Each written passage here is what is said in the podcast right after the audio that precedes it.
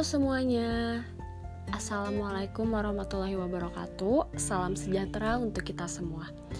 Di sini saya akan memperkenalkan terlebih dahulu. Perkenalkan nama saya Ashifa Lutfia Firdaus dengan NIM 2006942.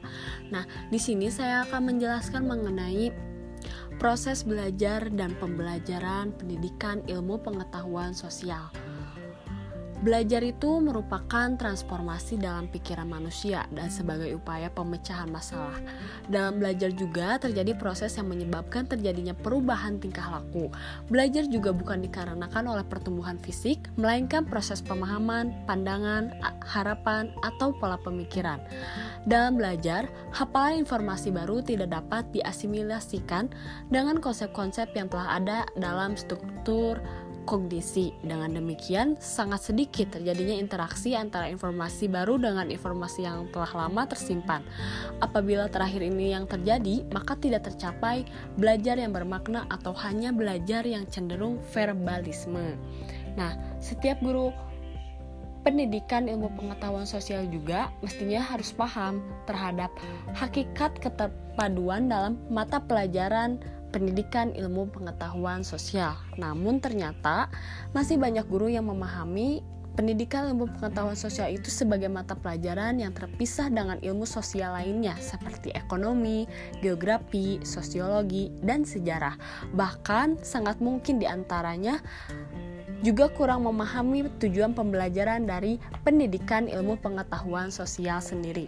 Nah, menurut Permendiknas nomor 22 tahun 2006 tentang standar isi untuk satuan pendidikan dasar dan menengah bahwa mata pelajaran pendidikan ilmu pengetahuan sosial itu bertujuan agar siswa memiliki kemampuan untuk mengenal konsep-konsep yang berkaitan dengan kehidupan dan masyarakat dan lingkungannya, memiliki kemampuan dasar untuk berpikir logis dan kritis, rasa ingin tahu, inquiry, memecahkan masalah, dan keterampilan dalam kehidupan sosial memiliki komitmen dan kesadaran terhadap nilai-nilai sosial kemanusiaan, memiliki kemampuan berkomunikasi, bekerja sama, dan berkompetensi dalam masyarakat yang majemuk di tinggal lokal, nasional, dan global. Nah, sejarah, secara garis besar dapat disimpulkan bahwa mata pelajaran pendidikan ilmu pengetahuan sosial itu merupakan kajian yang terkait dengan fenomena dan masalah sosial terkait dengan hidup manusia dan lingkungannya. Nah, hal itu juga mengandung makna bahwa hidup manusia dengan lingkungannya itu sangat erat kaitannya dengan berbagai aspek dan setiap aspeknya itu saling mengait dan saling memengaruhi dengan mengikuti prinsip sebab akibat.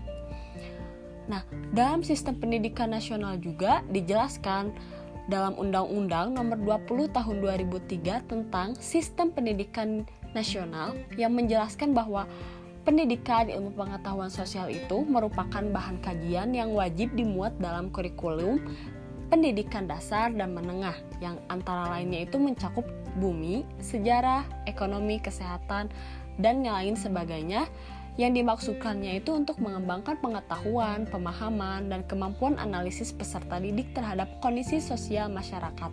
Itu diambil dari penjelasan pasal 37. Pendidikan ilmu pengetahuan sosial itu sebagai bahan kajian yang merupakan subjek matter yang dapat dikemas menjadi satu atau beberapa mata pelajaran atau diintegrasi dengan bahan kajian lain sesuai dengan kebutuhan pendidikan. Nah, dapat ditegaskan juga ya bahwa pendidikan ilmu pengetahuan sosial itu mata pelajaran pada jenjang pendidikan di tingkat sekolah yang mengembangkan secara integrasi dengan mengambil konsep-konsep esensial dalam ilmu-ilmu sosial dan humaniora. Nah, ilmu pengetahuan sosial itu mengkaji berbagai fenomena kehidupan dan masalah sosial yang diorganisasikan dan disajikan secara ilmiah, pedagogis, dan psikologis yang telah disederhanakan, diseleksi, dan diadaptasi untuk kepentingan mencapai tujuan pendidikan.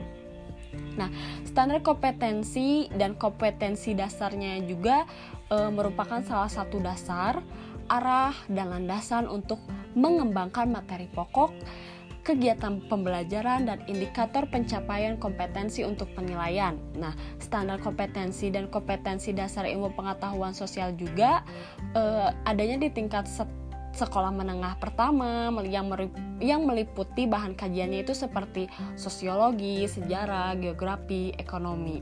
Nah, mata pelajaran pendidikan IPS juga itu e, bertujuannya itu untuk mengembangkan potensi siswa agar peka terhadap masalah sosial yang terjadi di masyarakat.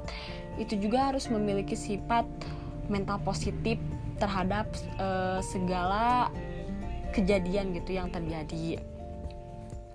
Nah, eh, dalam pembelajaran pendidikan ilmu pengetahuan sosial juga itu harus memiliki sebuah metode pembelajaran. Nah, metode pembelajaran yang dapat digunakan dalam pembelajarannya itu antara lain yang pertama itu ada metode ceramah yang bervariasi. Yang kedua ada diskusi, yang ketiga ada inquiry atau mencari, yang keempat ada role playing atau bermain peran. Nah, metode-metode tersebut dapat digunakan dalam pembelajaran pendidikan ilmu pengetahuan sosial untuk meningkatkan siswa-siswi yang berprestasi dan berkreativitas. Uh, Oke, okay. sekian yang dapat uh, saya sampaikan. Saya Asifa Lutfia Firdaus, undur diri dan terima kasih untuk yang udah dengerin podcast aku. Dadah.